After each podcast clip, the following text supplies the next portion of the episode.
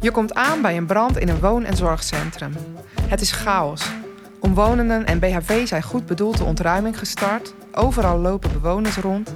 De rook is verspreid door een groot deel van het gebouw. Wat kun je doen? Daar hoor je meer over in deze brandkast.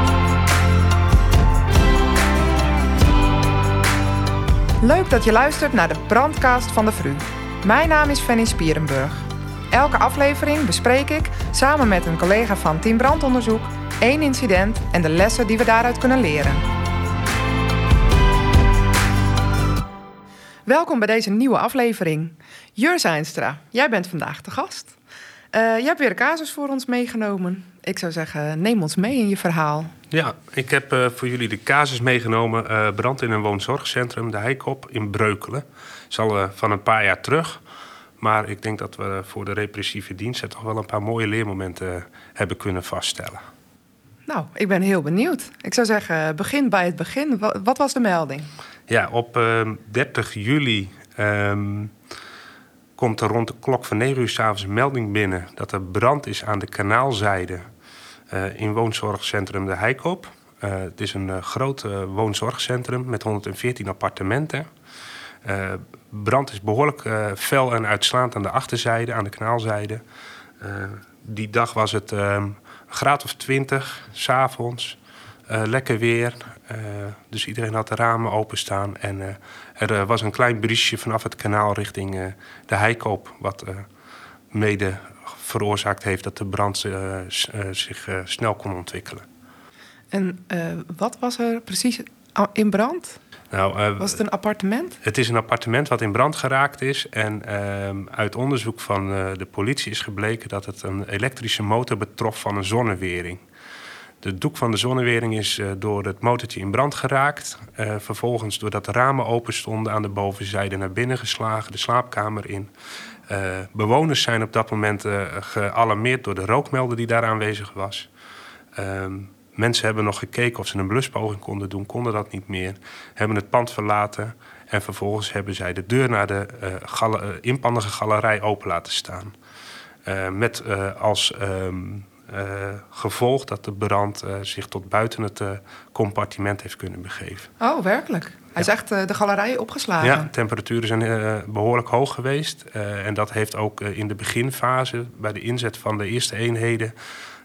heel veel energie gekost van de brandweermensen... die onder hoge en zware omstandigheden de brand te lijf moesten gaan. Ja, en is de brand ook uh, naar boven of beneden of opzij uh, verder Nee, de, de brand is uh, wel even buiten het compartiment geweest... maar vervolgens snel teruggedrongen door de eenheden... met behulp van, de, van een redvoertuig aan de buitenzijde...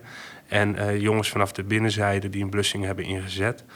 Waar we wel veel te maken hebben gehad... en daar zit denk ik voor vandaag ook wel de, het leerpunt... is dat er veel rook verspreid is door het hele pand. Ja, nou ja, vertel daar eens iets over. Hoe is dat, hoe is dat gelopen? Ja, die brand die is ontstaan rond de klok van 9, uh, 9 uur s avonds. Uh, op dat moment wordt de post Breukelen gealarmeerd om uh, ter plaatse te gaan om het incident aan te pakken. Tijdens het aanrijden wordt er al opgeschaald en bij aankomst treft de eenheden een vrij chaotische situatie aan. op dat moment waren er al andere mensen bezig om mensen te evacueren. Ja, met als gevolg dat alle brandweerende scheidingen in zo'n pand gewoon opengetrokken worden. En dus dat je rookverspreiding krijgt. En dat je, het wil je eigenlijk niet, want het zijn namelijk minder zelfredzame mensen. Um, vervolgens heeft de brandweer daar ingezet en uh, uiteindelijk flink opgeschaald naar uh, meerdere pelotons. Uh, uiteindelijk zijn er ook elf mensen naar het calamiteitenhospitaal gebracht in Utrecht. Um, en het was lang onduidelijk hoeveel mensen er nou bij het incident betrokken waren en of er nog mensen vermisten.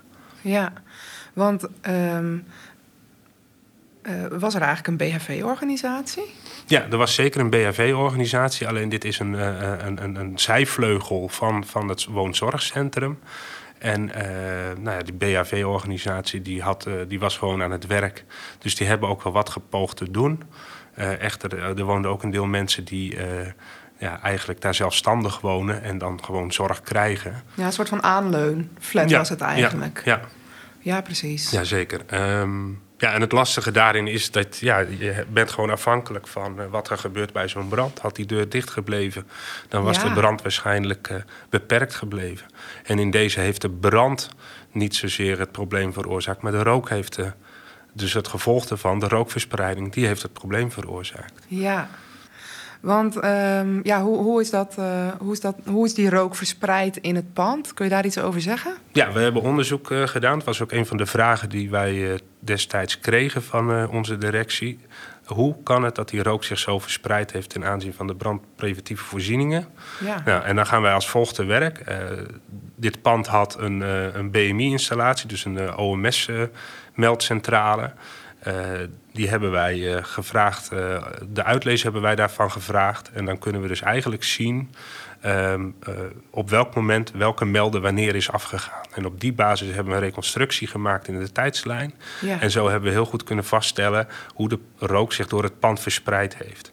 En het grappige daaraan is ook wel eens dat je in één keer op afdelingen rook ziet komen... waar je van denkt van, hé, hey, maar hoe kan dat? Het is al anderhalf uur nadat de brand geblust is... komt daar nu pas een melding vandaan. Dat heeft er dus gewoon mee te maken dat er deuren open gaan... die uh, normaal uh, sluiten door uh, de brandmeldinstallatie. Ja. Um, dus dat is, op die manier hebben we dus het rookbeeld in, in, in beeld gebracht. Ja. Ik, ik zit me nog even voor te stellen hoor, van waar is nou precies die brand geweest? Want ik stel het me eigenlijk zo voor dat het dicht bij de centrale uh, hal was. Is dat eigenlijk zo? Of was het aan, aan het eind van de galerij? Nee, hij zat, hij zat uh, dicht tegen het middentrappenhuis aan. Ehm, het is een soort L-gebouw. En het, in het midden van, van het lange stuk, daar heb je een trappenhuis. En op de eerste etage daar in een pand is de brand ontstaan. Bij het trappenhuis? Ja, dus het heeft geresulteerd in dat er dus uh, dat mensen zijn gaan ontruimen. En dat is brandweer geweest, dat is politie geweest, dat is BHV geweest, dat zijn omstanders geweest. Ja. Uh, ja, en iedereen heeft zijn best gedaan natuurlijk om die mensen naar buiten te krijgen. Ja. En dat heeft dus ook geresulteerd dat het voor de brandweer heel lang onoverzichtelijk is geweest van waar zijn we al geweest, welke mensen hebben we waar vandaan, wie uh, zit waar. Ehm, ja, en het zijn wel 114 appartementen. Ja. Uh, dat heeft, uh, uiteindelijk is het hele pand ontruimd geweest om 100% zeker te weten dat we niet iemand over het hoofd hebben gezien. Ja. Terwijl als alle brandpreventieve voorzieningen hadden gewerkt en ze hadden de deur dicht gedaan, had er misschien helemaal niet zo uitgebreid ontruimd hoeven worden. Uh, wat je ziet is dat mensen in paniek natuurlijk denken: ik moet naar buiten. Maar misschien was het voor de bewoners wel veiliger geweest om op hun kamer te blijven. Ja. Uh, maar ja, uh, mensen die dat niet weten en uit goedheid andere mensen gaan helpen. Ja, rook is toch giftig, dus daar moet je eigenlijk verder van blijven. En dan heb je de overlevingskans meer dat je op je balkon gaat staan. Ja. Of in je kamer met de deur dicht. Uh, dan dat je over een inpandige galerij komt.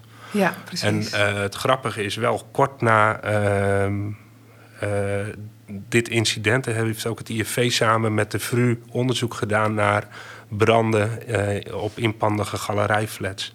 En wat we daar hebben gezien eh, bevestigt gewoon wat we ook in Breukelen mee hebben gemaakt. Is dat die uh, deur maar heel even open hoeft te zijn van die kamer. En een galerij loopt volledig vol met rook. Oh ja? Waarin mensen, zeker die minder zelfredzaam zijn, eigenlijk uh, vrij weinig overlevingskans hebben. Ja.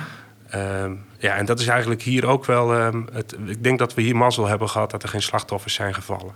Ja. Um, Tuurlijk zijn de mensen naar het ziekenhuis gegaan. Uh, maar we hebben geen dodelijke slachtoffers uh, te betreuren gehad.